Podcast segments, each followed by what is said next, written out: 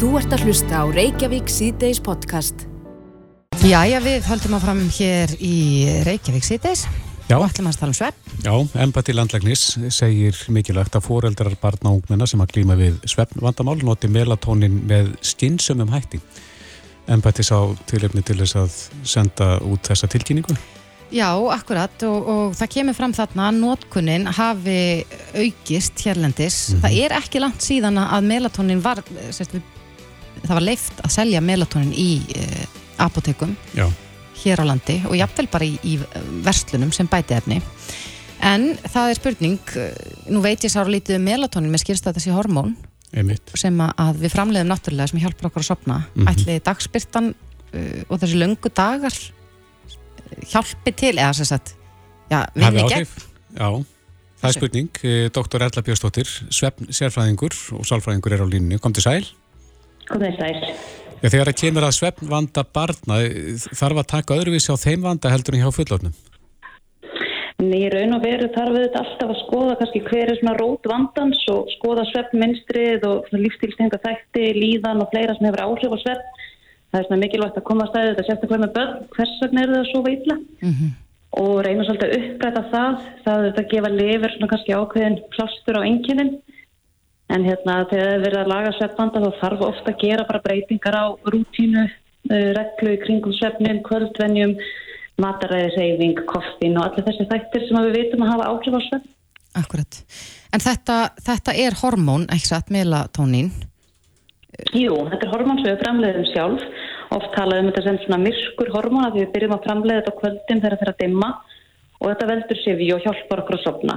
Þannig að byrsta hefur hamlandi áhrif að framleiðsla melantóninni og þráðu við um dagsbyrstuna en líka til dæmis skjábyrstu. Mm. En það er heldur ekki æskilegt að börn séu í skjátækjum langt fram á kvöld og takja svo melatónin til að hjálpa sér að sopna. Þannig að það er svolítið að skoða þetta líka í svona ákveðinu samhengi. Varðandi stjánótkun, hvenar er æskilegt að börnin uh, hætti þeirri nótkun? Hversu löngu fyrir svefn? Ég myndi segja með yngri börnin allavega tveimur tímum fyrir svefn og það fer auðvitað líka eins eftir því hvað eru börn að gera í skjátækjum. Ef þú til dæmis að spila tölvuleiki þá fylgir því oft bara mjög mikil örfun fyrir heilan, jafnvel herri blóttrýstingur og svona spennuhormón sem að líka með framleiðir sem er alveg anstætt því sem við viljum hafa á kvöldin. Teiknimyndir líka, það er oft mjög mikið á áreitum, mikið að litum, mikið að hljóðum, mikið að gerast. Þannig að þetta er auðvitað mikil örfun fyrir lítil börn og litla heila. En, en uh, nú er, er uh, ja, það er að koma sumar. Við erum allavega að halda í vonin að komi sumar.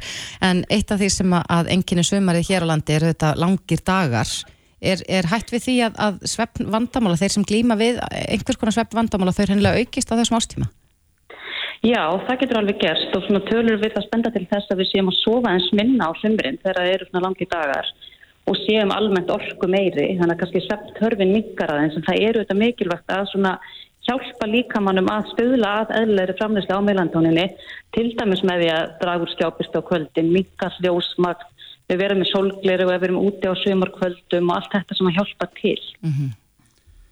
Við hvaða aðstæður er uh, eðlilegt að gefa börnum melatón? Ég myndi alltaf segja að fyrsta skrifið er svolítið að kortleggja vandan, reyna að sjá hvers vegna barnið er að sofa illa og hvort það sé eitthvað að gera í því þegar allt annað hefur verið reynd og stundum auðvitað eru börn kannski með annan samfélgjandi vanda, mikinn hefðunavanda, einhverfu, ADHD eða annað og í sumum tilvikum getur þurft að grípa til lifja til að hjálpa börnina svepp en í lang flestum tilvikum er hægt að koma lægi á sveppnin með svona lifjalösum lausnum. Akkurat. En nú hefur embætti landlæknis verið að já, hvetja fóreldra til þess að nota melatónum með skinnsumum hætti sem er nú kannski svolítið tegjanlegt orðalag og, og talar um að, að notkurinn hafi aukist mikið hérlendis. Er þetta áhyggju efni að, að já, neyslan hafi aukist? Já, ég myndi segja það. Við erum að sjá mörg 100% aukningu á melatóninni á örfáum árum sem eru þetta ágefni og þetta sérstaklega við um börnin og nú þegar þetta er ekki lengur eftirlitskilt, þannig að þetta kaupið í lausasölu og þó að sé 1 milligram að þá er náttúrulega auðvöld að taka fleirin inn á töflu þannig að það er alltaf misnotað líka þó sem þeim hætti og ef við erum að gefa börnum einhvers konar lif þá ættum við alltaf að gera það í samræði við lækni. Akkurat. Hver, hver eru auka verkanirnar af, og mikil í nótkun? Það er ekkert mikið rannsakað en það virðast nú ekki verið kannski svona alvarlegar aukaverknir. Það helsta er ógleði, uppköst, svona almenn vannlíðan En það sem við erum kannski líka svolítið að horfa á er bara hver er langvarandi áhrif þess að vera að taka einn hormón til að hjálpa sér að sofa. Það er bara eitthvað sem að vísendan hafi ekki ennþá svarað því að við erum ekki búin að nota þetta lengi. Og þannig að mér er það líka eitthvað sem við eigum alltaf að fara valega með. Það er alltaf best að geta fengið þetta náttúrulegan svefni, það er hægt. Þannig að, og svona hugsa um það, hvað er það í okkar lífi og okkar lífstíl og umhverfi sem er kannski að hafa neikvæð áhrif á svefnin okkar. Það eru svo ótal margar áskorunir í nútíma samfélagi, mikið áreitu, mikil streyta, mikil hraði, við sjáum mikla vanlíðan hjá úlingum til dæmis. Þetta hefur allt áhrif og þetta eru þættir sem við verðum að vinna með. Þú talar um livjalausar lausnir, getur uh, svona raukt gler eða glerugu sem að útiloka bláa ljósið, Get, getur það haft góð áhrif? Það er einlega að draga úr með bláu byrstun á kvöldin, það klálega hjálpar til en þegar það kemur að skjánótkun þá eins og ég nefndi á þann, þá er ekki bara byrstan, þetta er líka bara áreitið á örfunum mm -hmm. sem er ekki eskilast á kvöldin En það er svona þessi hugurana atferðlis meðferð sem að ég er mælt með sem fyrsta laust fyrir fólk með söpbanda, þá líka við einn börn, en því miður er bara aðgengi að slíkri meðferð mjög skerst og það er til dæmis ekki bóðin á heilsugjæslu þegar kemur að börnum með söpbanda og þánga leitar fólku þetta oft fyrst, þannig að ég held að þessi líka bara okkur úrraða leysi sem að veldur því að við leitum í lifin í svona miklu mæli. Já. Eru þessi úrraði þó í bóði og þá jafnvel eitthvað sem að, já, Já, það eru þetta með dyrsta lita sér salfræði aðstofar og þetta er mjög mikil tíma skekkja að slíkt sé ekki árið niðugrætt ennþá. Þannig veri, vera að mismuna fólki eftir bara eðli vandamál sem það glýmur við en það eru þetta enga aðilar sem að eru að sinna sveppvanda við líka hjá börnum en það eru oft bara langir bygglistar og erfitt að komast að og kannski lítil þjónust á ákveðnum stöðum á landsbyðinni og svo framvegs. En, en það lítur að skjóta skakku við þar sem að já, mikið er rætt um það að, að sveppnin er nú einn bara af grunnstóðum heilsunar. Algjörlega, ekki spurning, við ættum auðvitað að standa okkur miklu betur í því að vera að bjóða upp á fyrsta flokks meðferð og meðferð sem er áhætti laus og miðar að því að reyna að uppræta vanda til lengri tíma. Það er auðvitað eitthvað sem við myndum vilja sjá í svona fyrstu línu af þjónustu. Akkurat. Já, við bara undirstrykum það að eins og embætti landlæknis hefur ítrekkað að nota melatónum með skinsum hætti. Erla Björnsdóttir, sérfræðingur, kæra þakki fyrir þetta. Takk fyrir, flestlegar. Þú ert að hlusta á Reykjavík C-Days podcast. Jæja, Reykjavík C-Days heldur áfram. Við ætlum aðeins að ræða skadamingun næstu mínútur. Já, það var ansi lífleg umræða uh, nýra þingi í dag þar sem að þjarmað var að helbreyðisrátra um skadamingun. Mm -hmm. En hún er sest hjá okkur, Haldur á Móðunsen, þingmaði Pirata. Kom til sæl. Já, sæl.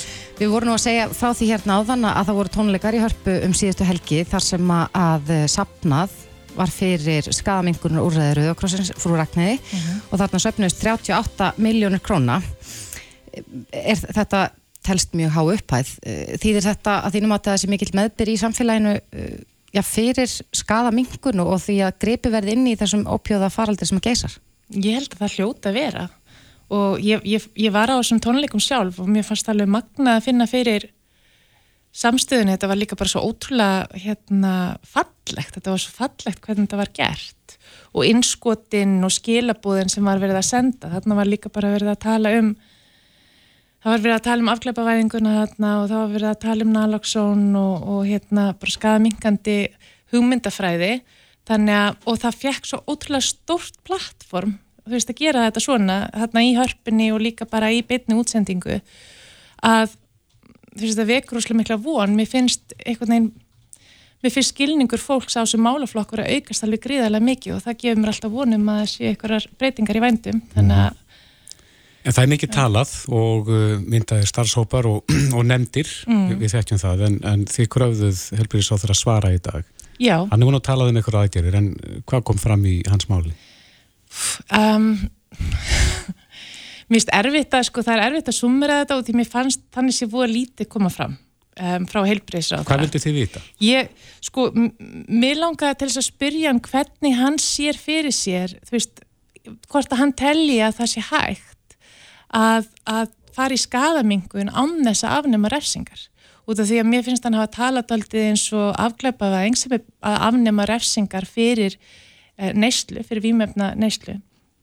Að, að hérna hann hefur talað um það sem eitthvað svona sitt hverjan hlutin og svo skada mingun eitthvað annað. Og það fletti svo ofan að þessari vannþekkingu á málaflokknum að skilja ekki að þetta er bara grundvallar atriði í skadamingun er að afnema refsingar, þú veist að afgleipa að það er vörslu neysluskamta um, þannig að ég vildi reyna að fá það frá honum en ég fekk voða lítið frá honum þú veist, hann fór ekkert einu sinni í að lýsa þeim aðgerðum sem að hann er búin að ákveða að fara í sem að hefur verið sagt vel frá í, í grein sem hann skrifaði og annað sko, þannig að en Hann hefur sem sagt svarað eins og pólitíkus Já, hann svaraði bara voru, voru loði. Það sem ég mest áhyggjur af, þú veist, nú er mér vel við viljum, þú veist, það, það sem ég hef áhyggjur af er að mér finnst hann, og hann viðkenni það sjálfur, að hann hefur gríðilega litla þekkingu á þessum málflokk. Hann sagði það í upphafi ræðusinnar.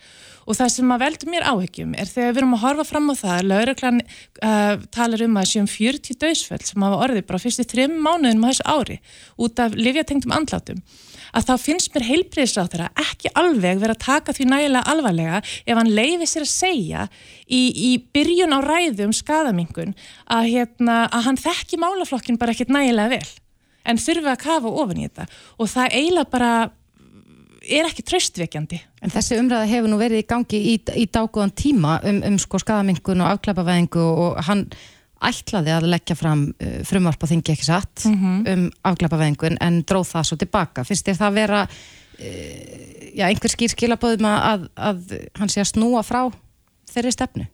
Já, ég held að þessi, þessi ríkistjórn hafi bara aldrei haft að nú, fyrst, nú er þetta sama ríkistjórn var hérna fyrir að kjörtímabili og þá var Svandi sem að með mál eftir að þau, eftir að þau feldu mál pírata um, það var felt í í atkvæðgreðslu og þá var það á þeim forsendum að heilbreyðsraður myndi komið mál og það myndi fara í gegn og það fór aldrei í gegn og hún lagði það fram tvísinsunum, það fór ekkert í gegn. Þannig að, að Viljum er núna búin að, að segja það bara mjög skýrt að hann ætlar ekki að leggja það fram en ætlar staðin að fara í eitthvað skadaminguna vinnu og það þykir mér svo fyrðilegt. Þú getur ekki tekið uh, afnám refsinga út úr menginu þegar þú ert að tala um skadamingun En hverja til því vera lausnin á þessu? Hvernig er hægt að draga úr þessum döðsvöllum vegna ópjóða? Um, auðvitað er það bara margir þættir en fyrsti þátturinn er að gera það verkum að fólk þorir að ringja í aðstóð ef ykkur ofskamtar. Þú veist, ef það verður slís ykkur ofskamtar, að þá hefur það komið fram að fólk þorir ekki að ringja í sjúkrabíl út í það rætti það að laurallan mæti á svæðið og hluti af því er að afnema refsingar til þess að það fólk sér ekki sem glæpamann þegar eitthvað kemur fyrir og það getur treyst á það að, að, hérna, að sækja sér aðstöð. Mm -hmm. um, annað er að sko að það kom þetta maður, sagt, hollenskur sérfræðingur í tala um výmöfna prófun, allir maður myndi ekki segja það á íslensku, það er að segja að geta sannreint eða prófað výmöfni til þess að sjá Uh, hversu mikið er að virka efninu og hvort það sé ykkur önnur efni í eins og við höfum fengið að heyra um það að fólk er kannski að kaupa kokain og það er fentanil í því og sem er stór hættulegt að það geti þá testa výmöfnin áður en að tekur þau. Mm -hmm. Þetta er til dæmis skadamingandi úrræði sem hefur dreigið gríðarlega mikið úr döðsföllum í Hollandi og öllum þeim löndum sem veri, hefur verið sett upp svona skadaminguna kerfi. Já, þetta er til hér, það eru, uh, við tókum nú viðtal fyrir ekkert svo lengur síðan við mann sem að var að fara af stað að selja þessi próf. Já, einmitt, þeir eru tveir, um, ég hitti þá, þeir voru einmitt líka með svona stand á tónleikunum í hörpu hérna þar sem að þeir voru að, að sína svona vöruna sem að þeir eru, þeir eru með og bara ótrúlega, ótrúlega flott framtak. En auðvitað, þú veist, í Hollandi þá er þetta náttúrulega heilbriðsraðniti sem heldur utanum þetta og þetta eru þetta eru stopnarnir sem eru settar að fót og þar eru vísendamenn sem eru að rannsaka efnin og halda líka utanum bara sapna gögnum um stöðuna á svarta markaðinum veist, hva, hvað, er, hvað er verið að selja veist, mm. á mhm. göttinni og þetta eru náttúrulega mikilvægur upplýsingar sem eru svo nýttar í uh, þegar það er verið að taka ákvarðanir um bara fíknabennlaugjöf og reglugerðir og annað sem er verið að setja í málufloknum En, en eins og þú sagðir að þá uh, Viljum Þór, helbriðsáþur að skrifaði pistil inn á vísi.is núna uh, eftir helgina og sem bara heitið eitt döðsfall er of mikið og talar þarna um tónleikana í hörpu mm -hmm. og fer eh, svolítið yfir það hvaða eh, tillögur mm -hmm. hann hefur lagt fram og ríkistjórnin hefur samþygt heldur að það sem hann er búin að leggja á borðið dögi til eða þarf að taka fleiri skrif? Sumt er mjög gott eins og þetta með Nalagsson nefúðan ótrúlega flott að dreifa svona mikið af Nalagsson nefúða en auðvitað þarf að ganga lengra það þarf að gera þetta að lausasölu lifi út af því að þetta áður í höndum notenda þú veist.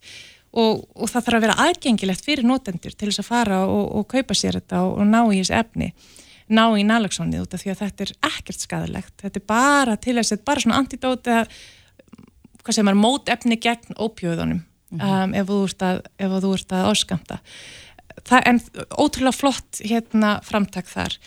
Hitt var finnst mér óljósara, þannig er náttúrulega bara að tala um líka starfshópin sem hann er að setja saman um skadamingun sem er flott vinna en mér finnst skortadaldið af aðgerðum til þess að fara í núna strax. Hvernig ætlum við að tryggja örugara umhverfi uh, þannig að, að fólk sé ekki að deyja að óþörfu út af því að þetta eru svo, svo ótrúlega sorglegt, þetta er svo mikið óþörfu á döðsföllum sem væri hægt að koma í veg fyrir emmitt bara með því að afglöpa væða og tryggja það að fólk finnir fyrir öryggi til þess að ringja og byggja um aðstóð og líka bara til þess að hérna að testa výmefnin sín sem er eitthvað sem ég held að við ættum að koma á fót og helbriðsraðan eitthvað ætti að taka alvarlega að skoða.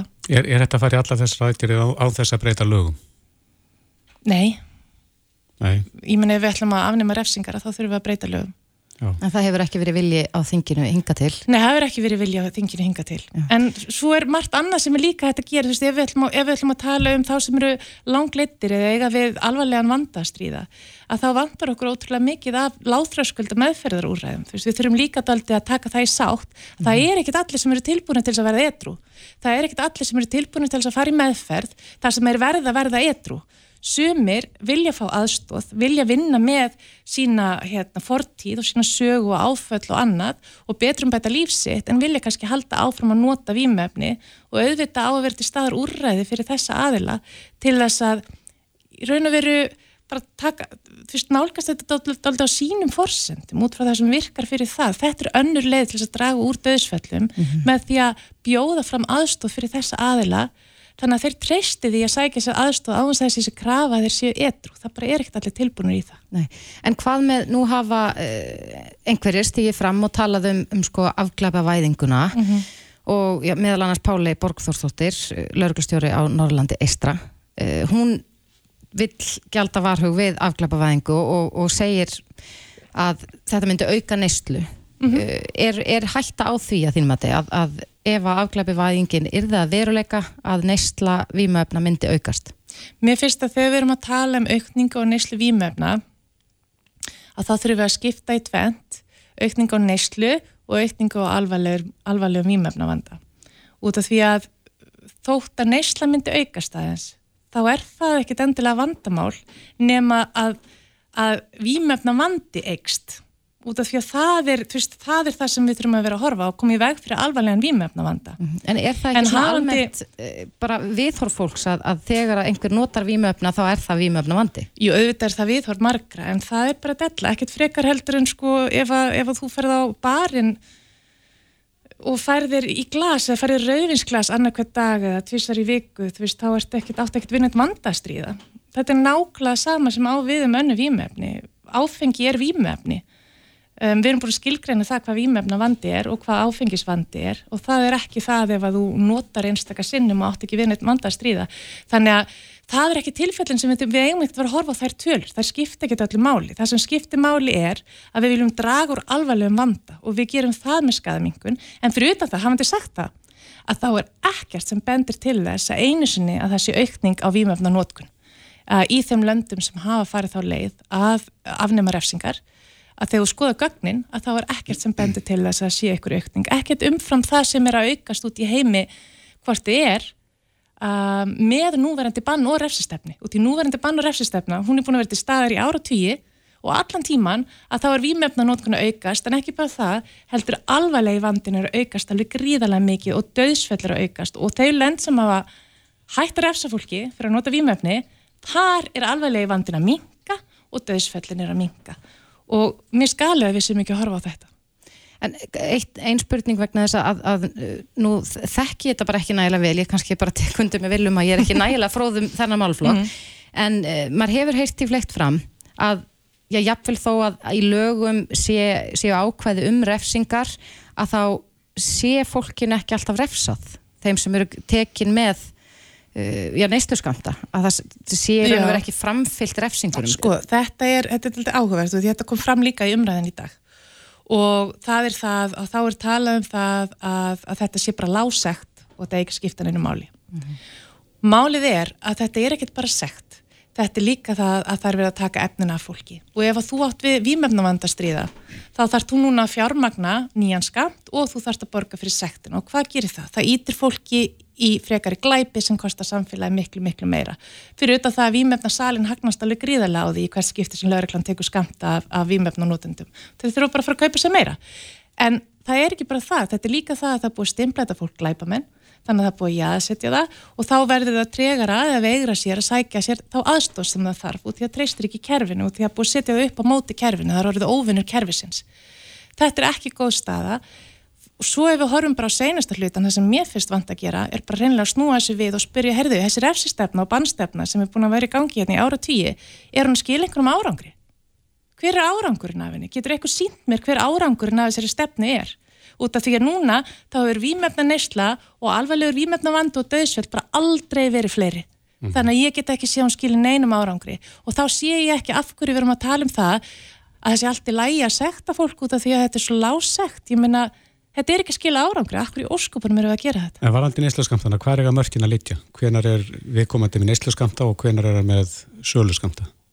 Sko, það er bara... Þið eru ekki að leggja til að, að salatni sleppi eða? Nei, nei, við erum bara að leggja til að við hættum að refsa fólki sem er, er með neysluskamta á sér, sem er að nota výmöfni það er bara skilgreiningar atrið, þetta er ekki, ég myndi slett á ennsku, þetta er ekki hérna, rocket science, bara, það, við þegar erum með kerfið, við erum með lauglistjóra sektir, það sem er búið að skilgreina cirka uh, út frá bara sektum fyrir efni, þú veist hvað er neysluskamtir, þannig sé, það er bara, það er ákveðið að ef að eitthvað er hérna, nú kann ég ekki orðalagi nákvæmlega, en lauglistjóra sektin snýst um það að, að þú kannski, hann tekur ekki eitthvað heldur sektar ef að hann er með eitthvað x undir einhver mörg af efni á sér. Mm -hmm. En hvernig hafa löndin sem eru nú þegar búin að taka þetta skref, hvernig mm -hmm. hafa þau verið að skilgreina þetta? Það er mismöndi Portugal, hérna, skilgreindi bara einhverja dagskamta og sagði svo bara tíu sunnum það.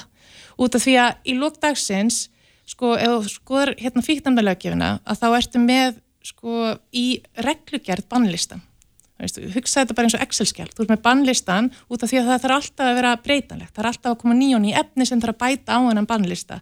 Við hliðin á í næsta Excel-dálki gætur við verið með einhvers konar skilgreining og neyslu skamt fyrir hvert og eitt. Og það þarf ekkert að vera nákvæmt út af því að þetta er alltaf eitthvað matsatriði. Og lauruglan er daglega að meta svona hluti.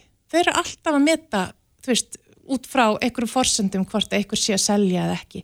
Þannig að þetta er fyrirsláttur, þetta er ekki vandamál og það er fullt af öðrum löndum sem eru búin að leysa þetta þannig að við þurfum heldur ekki að finna upp hjólið. Þetta er bara, lauruglan vill ekki fara þessa leið og ég ætla ekki að segja öll lauruglan og ég veit að það er alveg einstaklingar innan lauruglunar sem að, uh, eru mjög hlindir því að fara þessa leið. En uh, lauruglan er ekki sérfræðingar í skadamingun það eru engi sérfræðingar í skadamingun innan lauruglunar veist, þetta er refsingar er tól sem að lauruglan kann að beita og það kannski segir sér sjálf að þau sjá enga aðra leið en það er það ekki þeirra að ákveða þetta. Nei. Já, þetta er umræða sem að mun eflust halda áfram en, en uh, það er auðvitað hræðilega sorglegt að, að heyra þessar tölur um mm -hmm. öll þessi döðsföll Haldur á Mónsen, Þingmaður Pirata Kæra þakki fyrir komuna. Já, takk fyrir að bjóða mér. Þetta er Reykjavík C-Days podcast Haldum að fram í Reykjavík sítið, við höfum nú stundum í gegnum tíðinni þessum þætti, við veldum þeim möguleika hvort að setja útrýma peningum, þar að segja reyði fyrir. Já, og svo man ég nú eftir því fyrir ekkert svo löngu síðan það töluðum við, við Sælabankan um, um að höfum fengið fyrirspurn mm -hmm. frá, frá hlustanda um það hvort að fyrirtæki mættu yfir höfuð uh, já, útrýma peningurum hjá sér Já, neyta að taka við, neyta að taka við beinhörðum. Akkurat, mm -hmm. og bara taka við kortum og, og það er vist bara fyrirtækjunum í sjálfsvald sett, hvort mm -hmm. að mhm. þau vilji taka við reyðu fíð ekki. Já, og svo haldað sömið því fram að þetta sé bara uh, bensín fyrir svarta hækjörfið. Akkurat, en í dag var verið að, að funda um uh, framtíð reyðu fjár og hún er sest hjá okkur, heiður hún Jónsdóttir, framkvæmdastjóri samtaka fjármálafyrirtæki, kom til sæl blessuð. Sæl. Thank you. Lögum aðeins mikrofónin, nú erum við betri. Okay. Já, þið voruð að funda um þetta, þarna voru uh, þó nokkri sem að tóku til máls og, og hvað, hver var svona helsta niðurstað þessa fundar? Heyrðu, við vorum sem sagt samilega ráðstöfnu samtök Veslunum þjónustu og, og, hérna, og með okkur og við vorum með hérna, ráðgjaf frá, eða sérfræðing frá Svítjóð að við hefum horsólti til Svíja í þessu atriðum mm -hmm. og þetta hefur verið að horfa á hvað þróunir er hrög, hvað, hvað umfang reyðufjár hefur minkað mikið í Veslunum þjónustu og bara svona almennt Þannig að, að já, þannig þetta var í sjálf sér mjög áhugavert. Við höfum verið eins og í Svítjóð, þá hefur, uh, og í Nóri reynda líka, þá er við að bara taka þjónustu fyrirtæki ekki við reyðfjö. En það hefur ekki farið svo langt hérna, mér vitanlega er, er það ekki gert hér. En að, Uh, samt sem áður er uh, hérna Íslandi bara rétt greitt um 1,8% í reyðufjö meðan 7-8% í Svíþjóð. Þannig að það má eiginlega segja að þannig erum við að vinna Svíjana tölverð En var eitthvað niðurstaða? Þar að segja þið spyrjið þessara spurninga. Hver, hver er framtíðin með reyðufjö? Hvað? E, Niðurstaðan er raun og að svo að það er ekki verið að fara að banna reyði fjó Íslandi, það er lögeirir en það er hins vegar þannig að fyrirtæki meiri sjálfsváldsett ef þau vilja ekki taka móti reyði fjó þá bara geta þær hafna því, það er samningsfrelsi en na, þetta er hins vegar ákveð svona örgistæki og það eru ákveðinu hópar í þjóðfélaginu sem vilja nota reyði fjó og það er sjálfsveit ekki aðtúvert við það. Mm -hmm. Og hvaða hópar eru það? Það eru þá helst kannski, það er ofta verið að horfa til eldrafólks, mm -hmm. mögulega svona, uh, jafnvel ferðamenn vilja nota reyðu fyrir og þá ekki síst bandarækjumenn og svona kannski, ég segja, útlendingar eða fólk sem er innflytjendur annars en kannski treyst ekki alveg kerfinu. Mm. En þi þið sjáu það ekki fyrir ykkur, ég minna ef 1,8% það er nú gríðalega látt hlutfall. Það er mjög látt. Sem er þá að, að nota reyðu fyrir, en er það þannig að, að eldra fólk er ragara við að nota aðra greiðslu lausnir? Er það komið mitt óvart að eldra fólk sem er þess fólk yfir 65 ára aldru, þeir eru alveg að nota þessa rafrænu lausnir. Það er miðaldra fólki sem er að meira að trekt við, þannig að það er unga fólki og eldra fólki. Og þetta kom svolítið svona ánægilega á, á óvart. En bara sem horfum á hvað þetta er hröð þróun að frá árin 2018 til 2022 þá er greitnið reyðið fyrir að fara úr 7% í 1,8%. En svo reyndar á sama tíma þá er magn reyðufjár ekkert að minka mikið á í umferð. Þannig að það er svolítið áhugaverð þróun. Er eitthvað vitað hversu stór partur af þessu er svarta? Er það borga, borgundi borðu og svart? Nei, það er, mistast ekkert sem ég get svara fyrir, auðvitað eru bánkarnir, þeim er skilt að tilkynna eða einhver vaknar einhver grunur og það saman með vestlununa og bæði þessi raðilar, Sæðlabankin og lauragla eru náttúrulega að taka móti tilkynningum, það er fylst með þessu en það, minnstastu, það er ekki alveg ljóst sko. en þetta minnstastu vekur alveg aðtikli að, að pengamagnin umferð er ekkert að minka þrátt fyrir að uh, þessum greiðslum sé, uh, sé ekki dórið meira en 1,8% mm -hmm.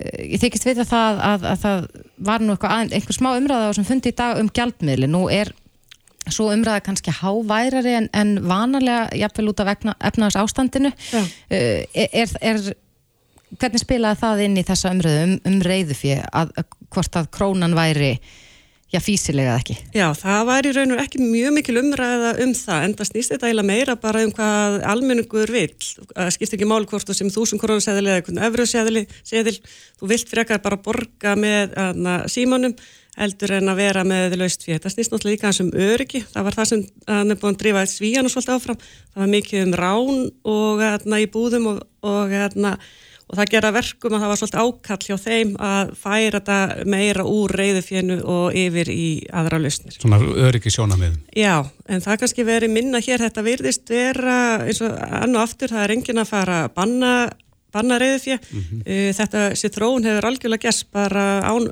bóða á banna og þetta er bara val neytenda.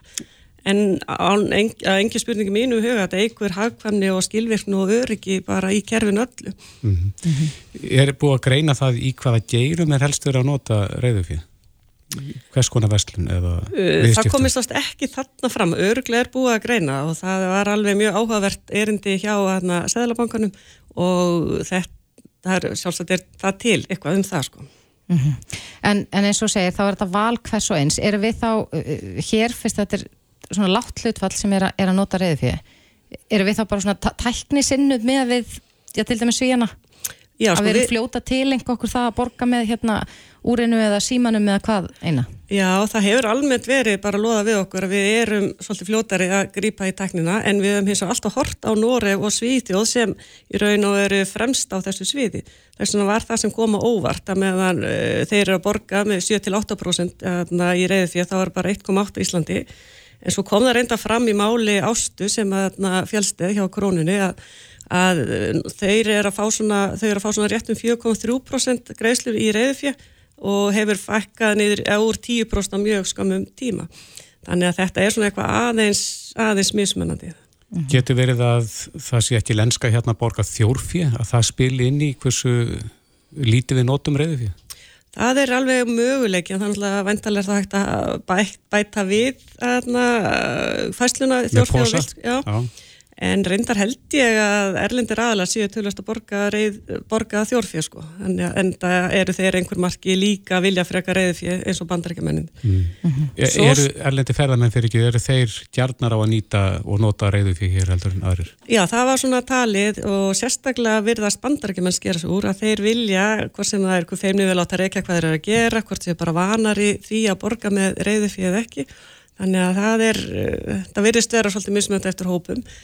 Þannig að það er alveg ljóst, það er ekkit verið að hætta notkvöru reyðufjár, alls ekki. Nei, ég held að, að fóreldrar ungra barna eins og ég kannast nú við það einu skipti sem ég fer í hraðbóka er vegna þess að dætur mín er að fara í, í barnaamali og þá er lenskana að koma einn rauðan seðil Já, en ákvæmlega og svo líka núna um helgina þá fór ég fjórar útskriftaveslur og svo fermingaveislu auki sko og mér leið bara svona hálf illa var hálf bara vandralega þegar ég var að taka út allan hennan pening í, atna, í bankanun rétt fyrir helgi eins og verður að gera eitthvað vafasamt á Já, já, þannig að þetta er svona et, Já, þetta, í sjálfsveg finnst mér þetta að vera jákvæð þróun, bæði sérstaklega bara út frá öryggi og hagkvæmni, það kostar auðvitað sitt að vera sísla með, með peninga. Hvernig þá? Þú þarft að gera upp, þú þarft að fara með peninga í banka og slíkt í staðan fyrir að vera bara með þetta í kortum og miklu einfaldar og, og mm. svona, minni áhætt að eitthvað fara úrskeiðis. Já, en á hinbógin er ekki kostnaða samara fyrir eh, sko, neytendur að nota til dæmis eins og debitkort sem eru með færslugjöldum Já. nema þó hjá eh, nýja bankanum Indó sparisjóðunum, þar sem engin færslugjöld eru er ekki fjármála fyrirtækin að, að græða tá á fingri af því að við séum búin að færa okkur í þess átt? Ég myndi ekki segja það en að, ég held að það er mun meiri notkur reyndar á kreditkortum heldur en debitkortum. Þannig að, að en hins vegar er þetta val neytenda algjörlega. Akkurat. og það er margt svona jákvætt í þessu og jafnvel það bara að vinna svíjana það er alltaf jákvætt, það er ekki þannig íþrótt alltaf. Nei, akkurat. Já, Heiðrún Jónsdóttir, framkvæmdastjóri samtaka fjármálufyrirtækja, takk kærlega fyrir komuna. Það verður áhugavert að sjá hvort þessi þróun halda áfram og við förum bara undir 1% eða hvað? Já, Takk kæra fyrir. Þetta er Reykjavík C-Days podcast. Jæja, Reykjavík þess aldur áfram, umræðan um efnahagsmálinn er mjög kvik þessa dagana. Já, svo sannarlega og uh, kannski ekki furða nú eru þetta stýrivextir í hæstu hæðum og, og uh, 13. hækkurinn í röð um daginn og verðbólgan mikil Já, hér er hagvöxtur, Já, hér er rauninni blúsandi eh, velsend. Akkurat og hann Heimir Karlsson saði nú í bítinu um daginn hvort að, að staðan væri hennilega þannig að uh, það mætti bara ekki ganga vel einmitt. að ef að hagvöxturinn svo mikill og uh, flest annað svona í skrúfunni eða það má orða það þannig hvort að, að við, við þyrstum reynilega bara já, við mættum bara ekki uh, sjá okkur ganga vel út að þá fara allt á liðina Já, gengur annarkvort allt og vel eða og vilja. mm og margir hafa spurt sig hvers vegna við, við sjáum þessa háu vexti hér Mm og, og, en verðbólgan kannski svipuðu í öðrum löndum og meðan að vaksta prósentan er allt önnur í mörgum löndum í kringum okkur Já. Þástett Pálsson, fyrirrandi fósættisáþurra og reyndar á þeirra fimm eh, ráðuneta, er mættu til okkar velkomin. Takk. Þú ert komin á kögunarhól aftur og skrifaði þinn fyrsta pistil í morgun. Já, já, já, það, ég hef búin að gera þetta í nokkur áru og, og uh, ákvað svo að taka upp þráðun aftur og nýjum vettvangi og, og halda því áfram eitthvað Já. um sinn. En þú segir hérna í, í pislurum að, að það sé alvarlegast í þessari stöðu sem við sjáum hérna núna að, að vextir þurfa að vera þrefalt hærri enn í grannlöndunum eh, til að vinna á svipari verðbólgu og þetta vilji ríkistjórnin ekki ræða. Uh, útskýru þetta eins fyrir okkur.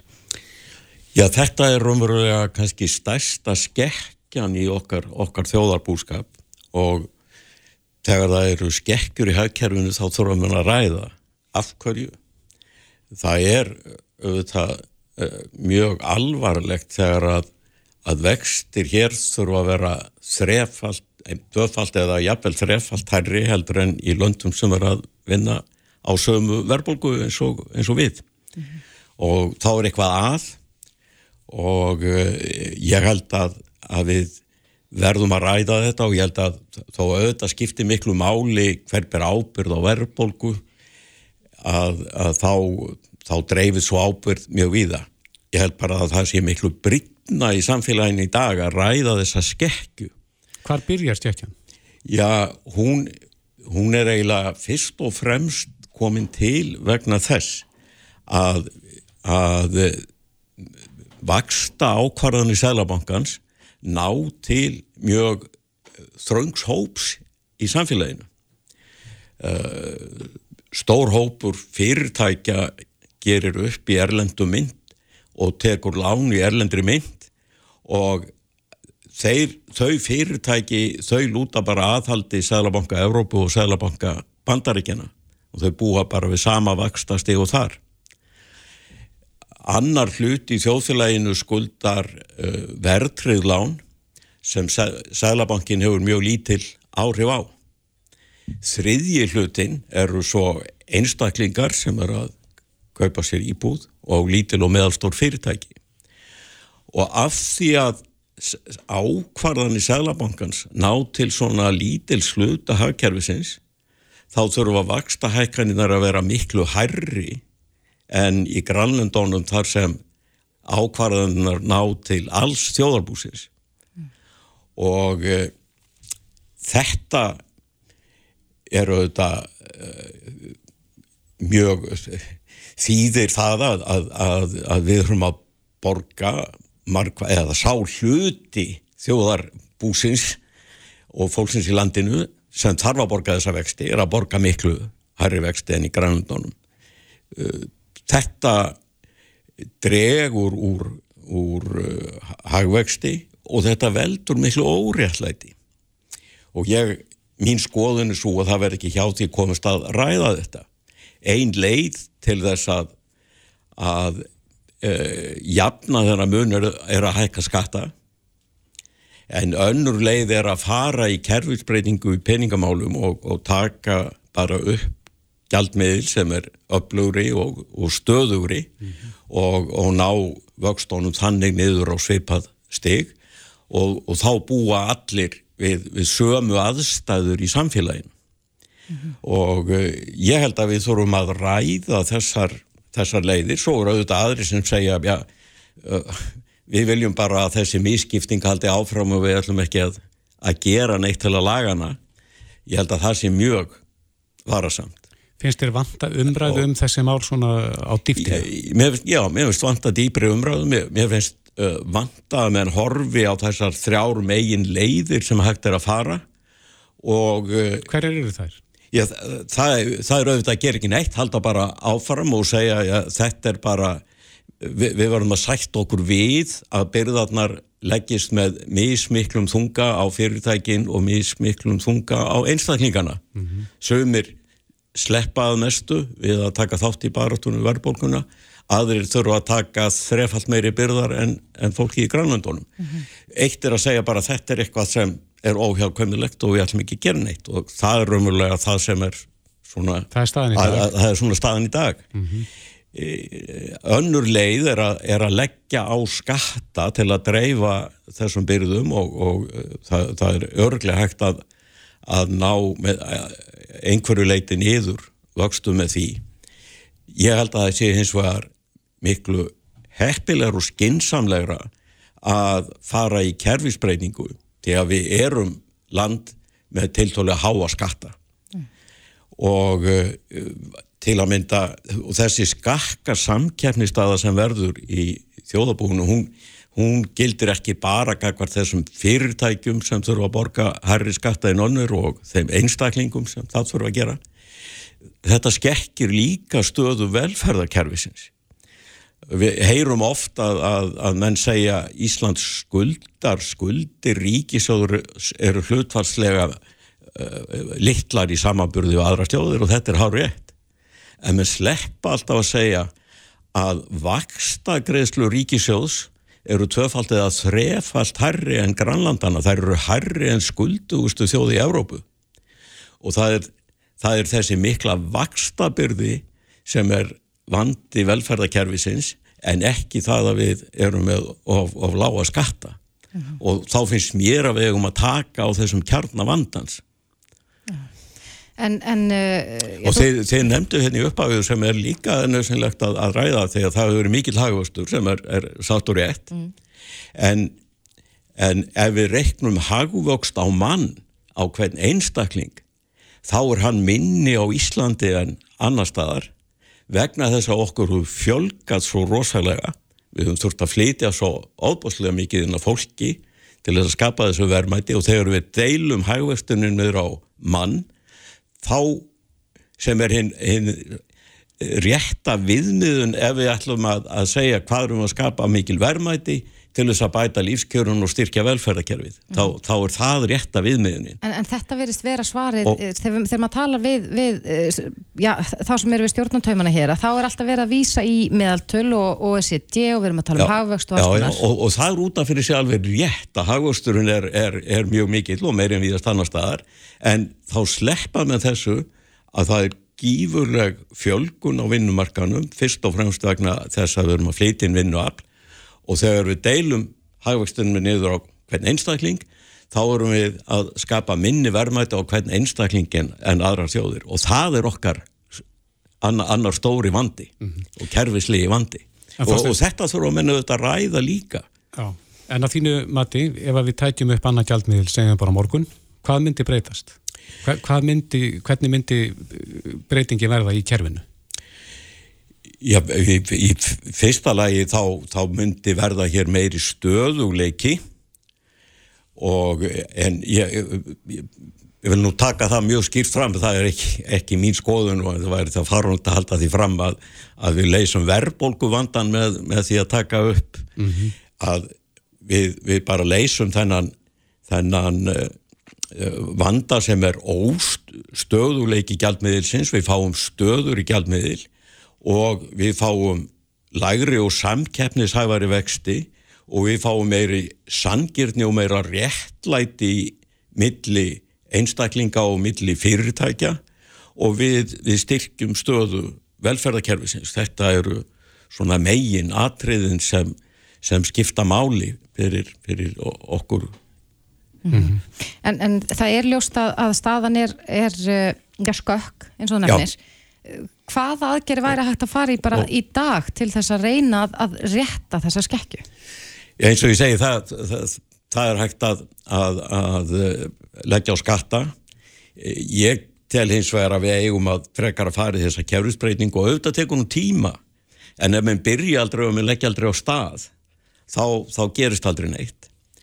Og við verðum líka að hafa í huga og það, það er önnur byrtingamind þessara skekju að, að eh, við erum með einhver mestu gjaldirishöft eh, meðal vestrætna þjóða. Við, við bindum helmingin af öllum eignum lífriðsjóðana í, í íslenska hagkerfinu sem þýðir að við erum með heila þjóðarframleðslu í gjaldirishöftum og það skekkir verðmyndun krónar. Það, það myndast ekki rétt verð á gjaldmiðlunum þegar að gjaldirishöftin eru svona umfangsmikil. Mm -hmm og þetta er eina af skekkjánum í hafkerfinu sem við þurfum að, að takast á við og, og við, við leysum það ekki með skattabreitingum, við, við gerum það bara með kerfisbreytingu, það er eina, eina leiðin. Önnur afleiðing af þessari og svo svo að, að við erum eina vestræna hagkerfið þar sem félagslegt fjármagn er í meiri hluta í öllum fyrirtækjum á, á skráðum fyrirtækjum á markaði og þannig að, að enga fjármagnir gegnir hér allt á litlu hlutverki í, í atvinnulífinu og, og þetta er, er skekkja sem þarf að, að leiðrætta. Akkurat. Já, ég held að, að uh, þessi umræða er hverkinari hægt vegna þess að við erum allavega ekki að sjá fram á það að uh, við séum að ráða við verðbólkuna. Nei og, og, og við, en, en við, við, við skulum ekki blekja okkur á því að, að halda að, að verðbólka síu úr sögunni með, með því að skipta um mynd. Við sjáum það kemur líka verðbólka hjá þeim þjóðum sem eru með, með stærru og öflugri myndir. En þetta bara auðveldar okkur að takast á við vandamálinn og þetta skapar meiri stöðuleika og þetta er leið til þess að, að draga úr uh, ójöfniði mm -hmm. og styrkja velferðarkerfið. Og við verum að horfa á þessi markmið þegar við veljum, veljum leiðir. Og, og uh, þess vegna er, að mínum aðeins þurfum við að fara að ræða þessar leiðir. Mm -hmm. Rétt eins og lokkin þá stein getur við lært eitthvað að frændum okkar færi sem að eru með danska krónu sem er þá bundin við efruna þannig að þeir eru rauninni með efru ja, í, í raun og veru eru þeir með efru við getum lært mikið, mikið af þeim. Eh, þar, þar hefur verið uh, góður stöðuleiki uh, þar hefur verið, verið blómstrandi atvinnilíf og, og ja, þeir færingar sem ég hef rætt við um þessi efni þeir, þeir segja það það sé alveg bara forsenda fyrir, fyrir heilbriðu efnarslífi og að, að búa við, við svona stöðu en er, það gjaldmiðlinn maður þakka eða það þeir eru undir vendaveng dana? Ég, það er auðvitað leysum við aldrei öll vandamál með, með gjaldmiðli bara tæki til þess að, að, að hjálpa okkur að ná, ná markmiðum mm. og gjaldmiðl þarf að uppfylla ákveðin skilir því og, og svona lítil gjaldmiðl hann bara uppfyllir ekki þau skilir því sem við og þær kröfur sem við gerum til gjaldmiðla. Og, og við verðum fyrst og fremst að horfa á, á markmiðin hvert við viljum fara og hvert við viljum stefna og, og velja okkur svo, svo leiðir eftir því. Akkurat. Já, Þorstin Pálsson, fyrirverandi fórsetis ráþæra, kæra þakki fyrir komuna og það verður áhugavert að fylgjast áfram með þessar umröð. Já, mjög svo, takk. Takk. Reykjavík síðdeis á Bilginni podcast Já, já, það er nú nokkur ár síðan að við fengum bílpróf. Já, bæði 17. Já, ég fekk því að ég var 17, en það er ekkit allir sem að gera það strax.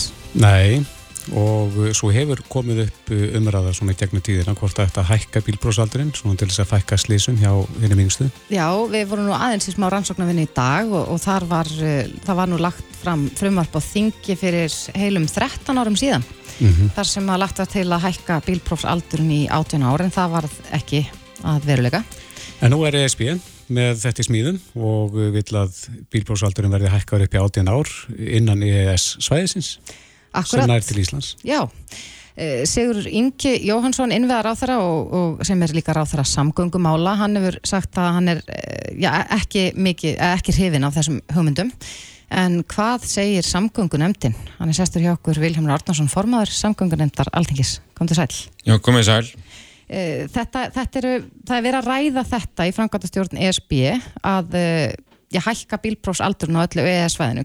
Hvernig líst þér að þessu hugmyndir? Eh, mjög illa. Ég hef alltaf talað gegn því að hækka bílprófsaldurinn og fyrir því eru mörgur rauk og hérna, það eru stórar hérna, evróskar rannsóknir sem sína það evróskar rannsóknstöðin sem er staðsitt í Hollandi og fleiri hafa sínt það að því setna sem þú tekur bílprófið ertu lengur í hættu og lendi bílslýsi en því fyrst sem þú tekur það ertu meira hættu í byrjun en, en mun fljótar að fá reynsluna til þess að vera hæfur aukumæður þannig að þú ert bara að dreifa áhættunum með að taka prófið setna fyrir því að lendi umfræslýsi, þetta er svona grunnurinn. Þannig mm. að því setna sem þú tekur það því lengur ertu að byggja upp færðni í umfyrinni En er eitthvað vafinn það hvena fólk er komið með nógu mikið þroska til þess að fara út í umfyrinna? Um, sko, ég, ég held að þessi nýðustuð sem ég var að fara yfir hérna sé mm. meira að segja að þú öðurlast þroskan með því að fara í umferðina. Þess að, að þú ert fljótar að fá þroskan því fyrst sem þú ferði í hann, því setna sem þú kemur út í umferðina, því lengur ertu öðurlast umferðarlegan þroska. Ég finnst það að vera eiginlega nýðustuð þessarar hérna konunar og, og ég er líka bara mótið í almennt, börn með ekki vinn í dag og að allir að vera bómull þannig að það, að, að, að það bara hérna, gengur ekki upp sko. þannig við þurfum að, að standa vörðum þetta. En þú sagði þeirri mitt líka með spurninguna hvað vil umhverjus og sangungunemdin ég held að við höfum talað skýrt að því að umfyrirlegan er búin að koma nokkur sinnum inn. Meðal annars með það að hækka aldrinni 18 ár svo 18 ár að hækka í þrepum. Í 18 ár fyrst 17 ára þryggja mánuða og eitthvað svona uh, þetta hefur aldrei farið gegnum alþingi. Það hefur ekki fyrir umfröðlegin komið með það að það ætti bara að vera áfram 17 ár að það fór í gegn. En hins vegar getur við alveg rætt um það hvort að þú fáir bílprófið 17 eða 18 ára á Íslandi í dag. Að því að þú byrjar æfingarakstur 17 ára, nei 16 ára en mátt hefið það 16 ára mm -hmm. getur fengið aukur réttindi til bráðabyrða 17 ára. Og þau eru 17 ára eftir ekki sjálfráð þannig að þú ert á eitt ár á bráðabyrða aukurskýrtinni þanniglega með foreldunniðinum að því að ef þú brítur af þér millir 17 og 18 ári umfyrinni þá þarf alltaf tilkynni það til foreldra og annað slikt þú getur ekki fengið fullnaður aukurskýrtinni fyrir 18 ára sem þú eru búin að keira í heilt ár ánum þess að fá hérna auku auku sekt eða punkt. Þú verður að vera hérna, punktlösi heilt ár til að fá fullnar aukurskirtinni að undangengnu axtu smati hjá aukur kennara mm -hmm. þannig að þú farið ekki fullnar skirtinni fyrir fyrstalega 18 ára og þú þarfst þá að hafa staðið vel þetta eina ári umfeyðinni og ef þú eitthvað kom upp á þá var það tilkynnt til forraðamanns og þú verður að fara í axtu smati hjá aukur kennara þannig að hann skrifi upp á það að þú standist axtu smat og meir fá þá aukur réttindi Þannig að við getum þannilega alveg sagt að við séum 18 ára í dag. Já, en, en myndi það duga gagvart ESB? Við erum auðvitað aðiljað að EES-samningnum og ef að þessar reglu verða veruleika, þurfum við að líta þeim eða, eða gætu við farið í já, einhverja svona slaufur eins og, eins og að, að já, við auðvitað fáum bílpróf en, en samt ekki fullnaðarskiptinni, myndi það duga? Já, ég held að við hefum mikla möguleika um að fá bæði, getum við farið fram á undan þá og vissa aðlögun. Og að því við erum í ES en ekki í SB þá höfum við meira svigurum og, og við og ég hef mikla reynsla því í einhverju sangunemndan að við höfum verið að, að innlega þetta á okkar hátt hérna eins og með kvildatíma og ökumanna og fleira. Öku, hvernig öku prófun fara fram og, nei, öku námið og fleira, við erum bara langt og undan Evropa í þessu öllu saman Vist, að vera með að kenna hérna, ökuréttindi á netinu og í ökuskóli á netinu og allt þetta. Vist, við vorum bara vist, ára tug undan Európa-sambundinu þessu þannig við gáttum innleitt okkar reglur svolítið á okkar hátt. Þannig að þau eru frekar elda okkur og, og þetta er sem sagt bara til að frangandastjórnarna núna þannig að hún áeftir að fara í gegnum allt ES-ferlið og aflétta stjórnskipilegu fyrirvara og allt þetta. Og, og hérna og ég og mér ánar að heyra afstöður á þeirra til þessa máls þannig ég tristi því að hann sé það út í líktistæði núna að, að tala fyrir þessum málflutningi og sem hans hann er á svona umfyrir að fundi þessum að ræða þetta í dag. Heldur að þingmenn séu svona almennt á móti því að, að fara þessa leið? Já, ég held það. Um, það. Það hefur verið einslan í yngurins og sangungunum tinga til. Erum við að gera þetta öðruvís en aðrir? Þar séum við að, höfum við verið að breyta fyrirkomuleginu undanfæri ná til þess að, að auka umferður öryggi hjá þessum hópi? Já, við hefum búin að gera mjög mikla, við hefum nefnilega erum búin að uppfæra okkur aukunum gríðarlega mikið, við hefum innleitum þennan æfingarakstur og það síndi sig bara því lengri sem æfingarrasturum var, því lengri sem að, að þjálfunin var meira, alveg frá 16 ára að þá erum við að sjá gríðarlega hérna, árangur. En annað sem við gerum líka svo vel var það að setja þetta punktakerfi. Þannig að, að þú farið ekki bráðabæraskiptinni og veist, þú mátt á 12 punta, eða við 12 punkt þá missuru aukuréttindi á fullnæður aukurskýrtinni en það eru bara sjöpunktar á bráðabæra aukurskýrtininu og, og hérna þannig að við erum búin að einleiða, svo er komið líka svona axtu spann, þannig að þú fær fjóra punta eða meira á bráðabæra skýrtinu þá ertu bara settur í axtu spann og farið ekki að keira fyrir að er búin að fara á svona svo kallað hérna við þarfum að, eða svona axtu spannsnámskið og, og þá líka við að fyrir suma sem er teknur alvanakstur og annað slíkt sko sem þurfa að fara það námskeið. Þannig að ökunámið uh, refsi, uh, viðurlægakerfið og, og all, hvernig við byggjum upp ökurektindin okkar þau hafa öll aukið öryggi og, og, og aukið heg, bætt hegðun ungra ökumanna. Þannig ég get bara sagt á fullum föttum hér og all gögt sín okkur það að ungir aukumenn er að standa sér það vel í umferðin í dag að þeir standa sér betur heldur en við sem eldri erum og erum búin lengum aukuréttindi. Það er, ég segja eldra fólki sem er í aukufantar heldur en þeir yngri. Eftir, eftir hvernig þessi það kerfi búin að breytast og hvaða þróun við erum komið við aukuskóla lík, þrjú líka þar sem að ungum aukumennum er kent hvað gerist ef þeir fari ekki varlega við erfiðar aðstæður eins og hálku og annars lít. Já, svo geta fóreldrar spursti, vilja þeir skuttla eitt ári viðbútt? Það er margir fegnar að vera lausið við skuttlið. Þetta er líka frælsismál fyrir þá sem búið dreifbili og annars lít. Já, akkurat. Já, það er verður forrætnild að fylgjast með þessu. Uh, þetta virkar þannig og þetta reyndar tímin alveg að hlaupa frá okkur, en, en segjum sem svo að þetta er þið að uh, reglum hjá ESB og EES. Hvað tekur þetta langa tíma að, að uh, svona sektla út til hinna landana? Það getur tekið, veist, það, það tekur mjög skamman tíma innan Európa-sammit sem síndist að veri bara 1,5 eða 2 ár sem þeir allir voru að reyna að innlega þetta hjá sér. En ferli gegnum ES-nemndina er mun lengra og mm. getur tekið og það er misjant eftir því hvernig þetta er. En Európa-sammit er mjög duglegt í að reyna að vinna gegn umfærsleisum þetta virtist verið liður í því. En á mögulega, víst, við getum haft e, okkur útfæslu einhverju leiti og það er margt jákvæmt í þessum tilvægum líka varðandi alþjóðlegt eða evróstu aukurskýrtin og allt þetta sem getur hjálpað okkur en mögulega getur þetta orðið til þess að þeir sem fengið aukurréttindi 17 ára hér mættu bara kæra Íslandi en ekki Evrópu fyrir 18 ára. Já. Vilhelmur Radnarsson, formaður samgöngunemdar þingsins, kæra þakki fyrir komuna. Takk fyrir mig. Reykjavík síðdeis á Bilginni podcast.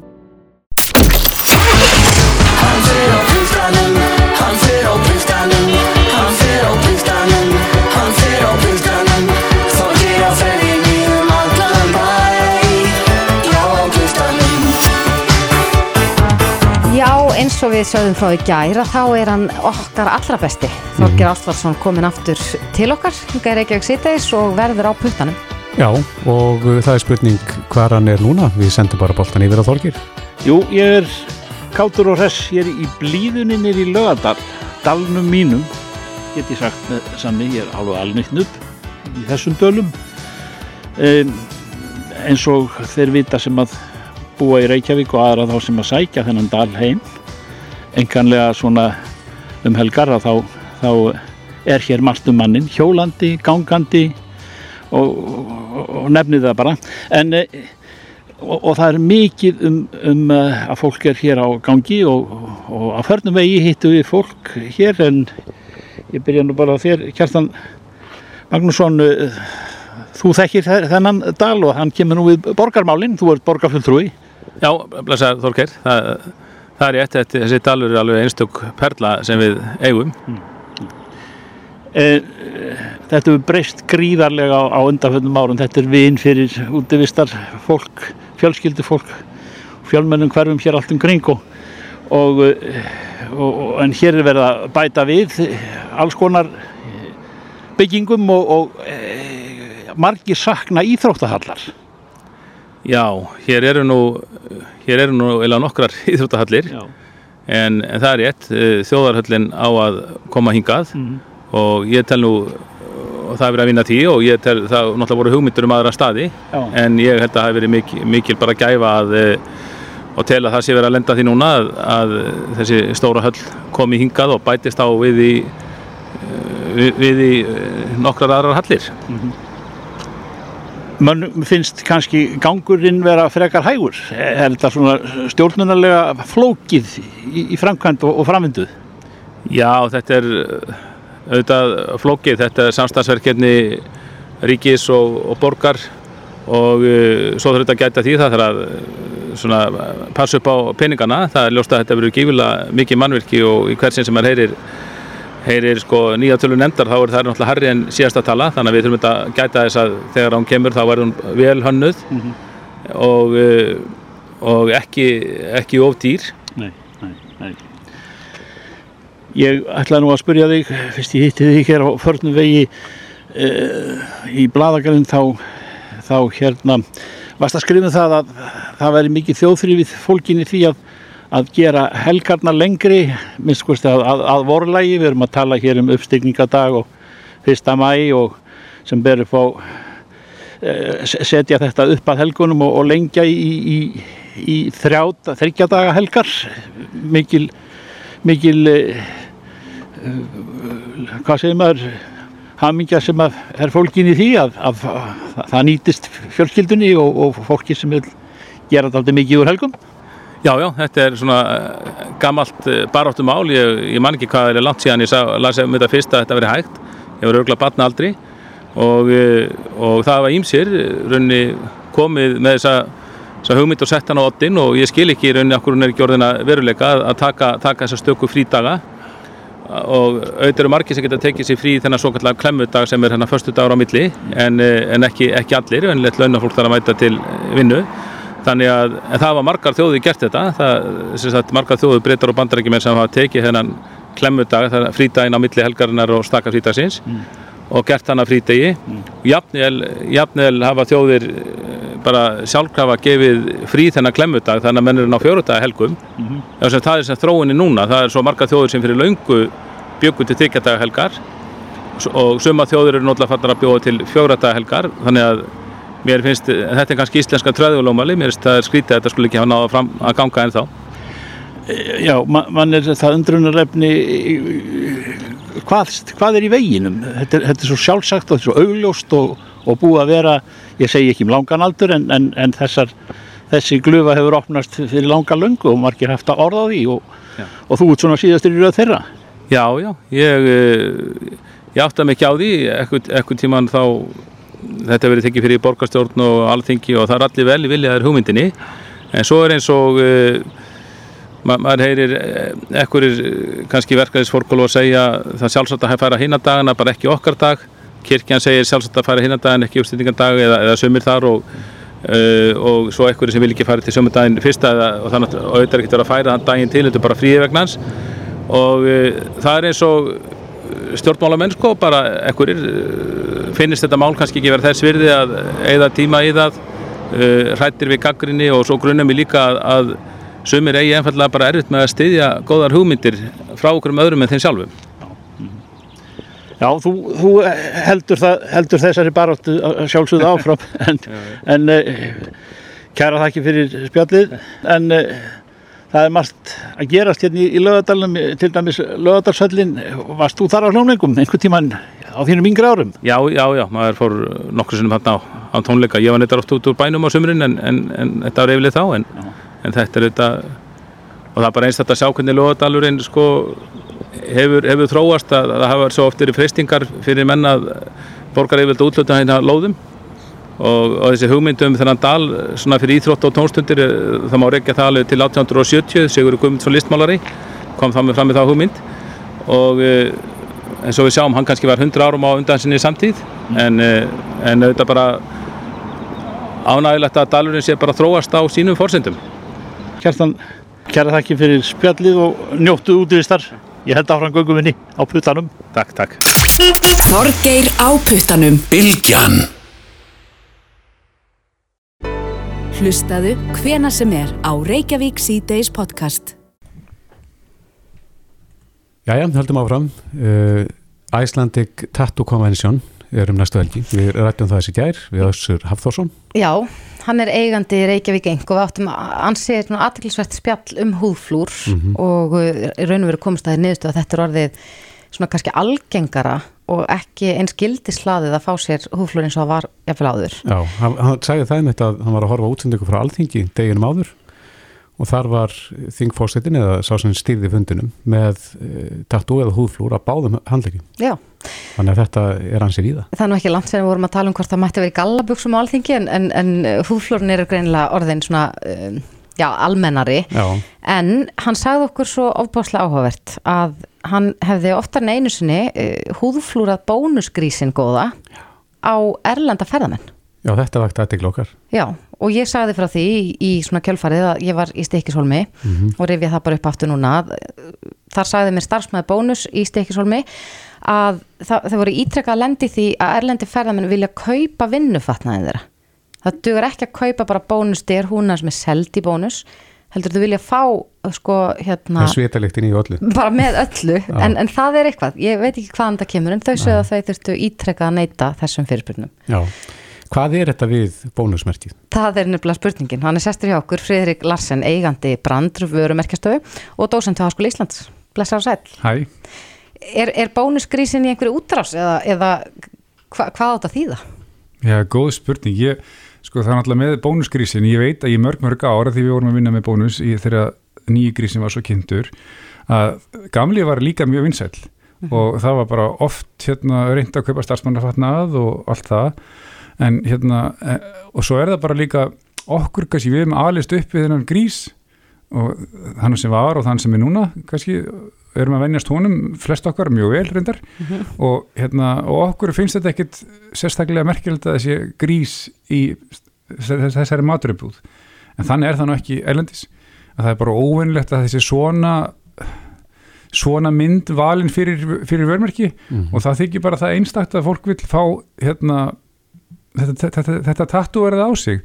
Ég skil það ekki sjálfur en þannig er það nú samt, þetta er líka annar heimur og svo er svo til þess, þeir sem koma hingað eru náttúrulega að koma til landsins Íslands og hérna, upplifa það og allt annan máta heldur en við sjáum fyrir okkur. Þeir sjá allt aðra hluti heldur við og þegar ég var hérna, hluti af því að endur mörka Reykjavíkuborg fyrir, nokkur, fyrir áratug síðan eða eitthvað slíkt að þá vorum við afskaplega mikið á svona rínihópum og samtölum við útlendingana sem voru hérna, sem voru kúnanir okkar og það var svolítið áhugavert að sjá þá upplifa okkur á allt annan máta heldur en að við sjáum okkur fyrir okkur. Og eitt sem stóð upp úr er að við erum svona upp á ennsku quirky. Ég, það er þetta að útskýra að orðið þýðir kannski við erum svona, svona, við erum svona mjög sérstök sko, en ekki til að neikvæða máta. Smá furðuleg, Já. hvorki er svona kannski pínu furðulegur en samt ekki, ekki eitthvað svona neikvætt. Nei, ég myndi aðeins furðuleg og trúum á álfa og allt þetta bara ef við vil fara alveg myndina sko, hvernig við erum málið og fólk sér okkur svona. Já. Og svona mín kenning og ég hef ekkit fyrir mér ína heldur en bara bara að halda það sérst, Já. að það sé, það sé eina ástæðin fyrir því af hverju þið myndu velja bónusgrís inn, Já. bónusgrís inn að því það er einmitt svona svolítið svona furðulegt Mhm. og, og hann er fallegur og, og bara Pínu, þið- pínu furðulegur, Já, hérna, já, já. hann var nú eitthvað svolítið til að vera þessi gamli í það minnsta. Jú, hann varstu tilegu sko, já, já Hvernig fæst það hefnast að stifta út grísnum? Áfsalega vel Já, bara gríðarlega vel Er er Og það var mikil reyði samt Já, það var hérna en það er alltaf reyði þegar eitthvað nýtt kemur alltaf. Já. og fólk vill haldi það gamla og vill ekki það nýja því þannig erum við bara sem manneskjur en, en og með svona stóran hlut eins og grísin sem að og bónus, fólkið á bónus við eigum vörumerkin, við elskum vörumerki eða höfum, fólk er bara hluti af bónus sem, eigundur þeirra þá vilja þeir hafa eitthvað með að segja hvort það bara breytist sér svona sko. Já. en breytingin hefur vanist afskap, afskaplega vel og hefur hjálpað vörumerkinu að hérna þú getur nýtt grísin miklu betur heldur en áður, þú getur stækkaðin upp eða þú keirum, gamli, það gekk ekki upp með hann gamla sko, bæði stækkaðin upp á búðunum og þú getur minkaði niður í íkon stærðir inn á social, uh, samfélagsmiðlum og svo framvis, en það hefur gengið mjög vel. En sko, ég sé nú eiginlega bara eftir að við hefum ekki spurt hann Össur Hafþórsson að í gær hvort allan sé að tattu vera gamla eða nýja grísin. Út af því að, að eh, gamli góði, hann hlýtur að vera orðin einhvers konar bara munarvara sem að já, varningur með gamla Já. grísnum á, það hlýtur að vera verðmætar að einhver leiti út af því að söfnuna gildi Já. og þeir eru svolítið sniður hérna í bónus og hann baldur markastjörun sem hann kannski stýrir þessu mest að sem fór í að selja vörur, bónusvörur með nýja en líka með gamla. Já. að því fólk vill það líka. Og það finnst mér bara sniðugt. En svo, svo er það kannski þessi, þessi heildara pæling af hverja að hérna, húðflóra vörumerki á sig Mhm. þú veist, akkur getur ekki fólk valið fallega mynd eða, eða skjaldamerkið eða mynda þóra eða eitthvað annars sko, Já. en þannig er það bara ekki Er það merkjum vel hefnað vörumerki að fólk vilji tattúrað á sig? Já, ég myndi halda það sko Já. eða eitthvað vör, sko, sérst, vörumerki við tengjumst vörumerkjum og þau endur spekla það sem við stöndum fyrir oft og, hérna, og við elskum vörumerki að því að það endur speklar kannski hérna, eitthvað, eins og Harley Davidson Mhm. til dæmis. Það er táknum frelsi og keira móturhjól í, með flaksandi hár í sólinni á bandarískum highway Route 66 eða eitthvað svolítið Svona ákveðin lífstíl Já, það er eitthvað lífstíl sko. Og þá tengist það þínu lífstíl og þá er ekkit óðurlegt að ef þú ert með eitthvað merki sem að bara þú tengist og þó þessi eitthvað fyrirtæki sem eigið að það fari á húðina á þér sko. Og það, en það er, minn fólk setur mikka mús og Andres Önd og Nike og alls konar sko, það er bara, það er allur gangur á því og sumir einstaklingar út í heimi eru bara með mörg vörumerki húðflúrið á sig Já. skiljið það ekki, en við þurfum heldur ekki Hann að skilja heiminn bara að vera virðingu fyrir því er mitt. Hann myndist nú líka á það í gæra nössur að hann hefði verið að, að þetta vera á einhvern svona maxi-pop póka eða eitthvað, Stjörnupopóka. stjörnupopp akkurat. Já, já. Þannig að, að það er nú annað vörumerkin, kannski sérstakt, en, en eru fleiri, ég veit nú að þú varst nú aðeins að velta þessu fyrir þér að þú komst inga til okkar já, já. og, og fegst nú einhver svona dæmi um Einmitt. einhver vörumerki sem að fólk hefur verið að láta uh, tattúvera á sig. Einmitt. og önnur vestlun, þín vestlun í Ólafsvík til dæmis maður hann kannski ekki haldið að það væri eitthvað sem þú myndir setja á þér en það er, hefur, einn einstaklingur hefur gert það sett á upphandlingin á sér. En, en stendur Nei, það bara þín, sko, nú fylgdi það nú ekki stöðunni. Þín verslun er auðvitað eitthvað sem maður sko, sér nú ekki lengur? uh, ég veit það ekki Nei. hvort að það var en það var sérst, einstaklingu frá staðinum og fólk er að merkja sig til þess- það er hefur eitthvað tilfinningilegt gildi Tenging við heimahagana. Já, og það er ekki okkar að dæma hvort þessi rétt eða ránt og, og það, auðvitað, hérna, það er mjög mikið um hérna á Íslandi að fólk sé að, að húðflúra á sig sko, hérna, bæjarfélögin sín Mhm. eða íþróttafélögin Já, Jón Snar er gott dæmi um Já, hann lit Reykjavíkurborg. húflúrar Reykjavíkur já, já, skjöldin. já, Mhm. og það er bara hérna, algengt, orkudrykkir eru svolítið verið að setja fólk er að setja það á sig. Þannig, en, en aftur, ég bara ég er 50 ára gammal maður sko, og skil ekki kannski allt sem er að gerast fyrir, fyrir, fyrir, í kynslunum fyrir neðan mig sko. Nei. þetta er bara annar heimur. Já, pappi minn var mjög húfluraður maður sko, og þótti mjög spes af því að hann var bara ekki... fæstir ekki voru þær, nú er já. þetta bara hérna, skrítið að vera ekki með húðflúr Já, en við vorum að ræða hérna áðan, sko, ef ég myndi húðflúra mig og ekki með það, sko, þá var ég hérna annarkvort myndi ég setja rapp á mig, en mér finnst það eitthvað svona dákgrænt, eða brandr Já, bara þitt Ég- eigið vörumerki. Já, ég veit ekki hvar ég myndi setja það Ég, ég hef stundu Já. talað um það ef ég fæ mér annað húflúra þá er það kannski undir eilina. Það sem enginn sér. Já, bara svona til Nefn þess að... ódvaldir.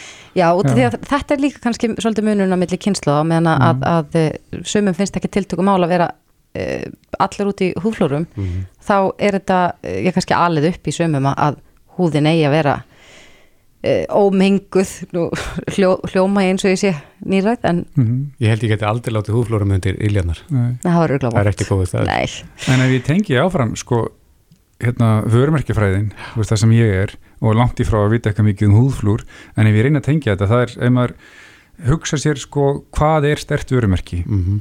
Og ef við, ef við stillum því af í mismunandi flokka þá er svona uh, að einhver þekki okkur, hafi vitundum okkur Mhm. það er svona veikasta tengingin ef við kallum það um styrkleika vörumerki það er gott að fólk þekki okkur og viti hver við erum og sé jákvæmt eða neikvæmt en svo virkilega sterk vörumerki þau fari í að byggja upp svona tengingu sem er annars vegar röggræn annars vegar og tilfinningilega hins vegar og endar upp á toppnum í ykkur og svona samhljómun það sem að hérna, ég og þú saman, sérst, vörumerkið og ég saman. Mm. og ef þú ert farin að elska eða þú finnir svo mikinn samhljóm sa- mikinn samhljóm í þínu vörumerki eins og Harley Davidson ég nefndi eða hérna, ég held, veit ekki hvort það sé það álíklega ekki við bónus því það er svona öðruvís, það er útlendingarnir. En ef þú ert Apple eða, eða Tesla eða eitthvað, þú veist það er alveg dæmi að fólk hafi stórt Apple merki bara á hausnum á sér veist, og það er bara, hérna, það er svolítið mikil ást á vörumerki Já, og, Og- það er líka eins og með Apple til dæmis að, að, við flokkum fólk eftir í hvort þú ert sko Já, Apple já, já. sinnaður eða. Samsung sinnaður þegar Já, kemur að já. snjálfsímu já, já, að við tengjum þetta stert við okkur sjálf. Já, og þannig komum við alveg nýjan heim sem er tribalismi, við er, í stórum heimi þurfum við öll að til uppfyllum við þurfum að vera, þetta er fjölskylda Mhm. og svo stækkar að hópurinn okkur alltaf meira, meira, meira, við þurfum alltaf að samsana okkur ykkur til að geta lifað af í heiminum. En nú er ég komin út í aðra Við salma þurfum að kannski. tilheyra, já, við bara, þurfum já, að tilheyra Já, já, já, Já, þetta er virkilega aðteklisvert Já. Já, það er það og það var nú gaman að vita ef við vitið um eitthvað sem að er með vörumerki húðflúra á sig, þá er gaman að fá upplýsingar um það. Já, svo sannarlega. Á reykjavík.bildjan.is Akkurat. En Friðrik Larsen, eigandi brandur vörumerkjastofu og uh, dósent við Háskóli Íslands, kæra þakki fyrir komin Takk fyrir Þá er ekkert annað fyrir okkur en að kveðja. Nei, það komið að lokum hjá okkur 50 dagur í dag og það þýr að það er föstu dagur á morgun og við verðum hérna þetta í banastöðu klukkan fjör. Ekki spurning, Þórdís Bræði og Kristófi þakka fyrir sig, þanga til á morgun. Verið sæl.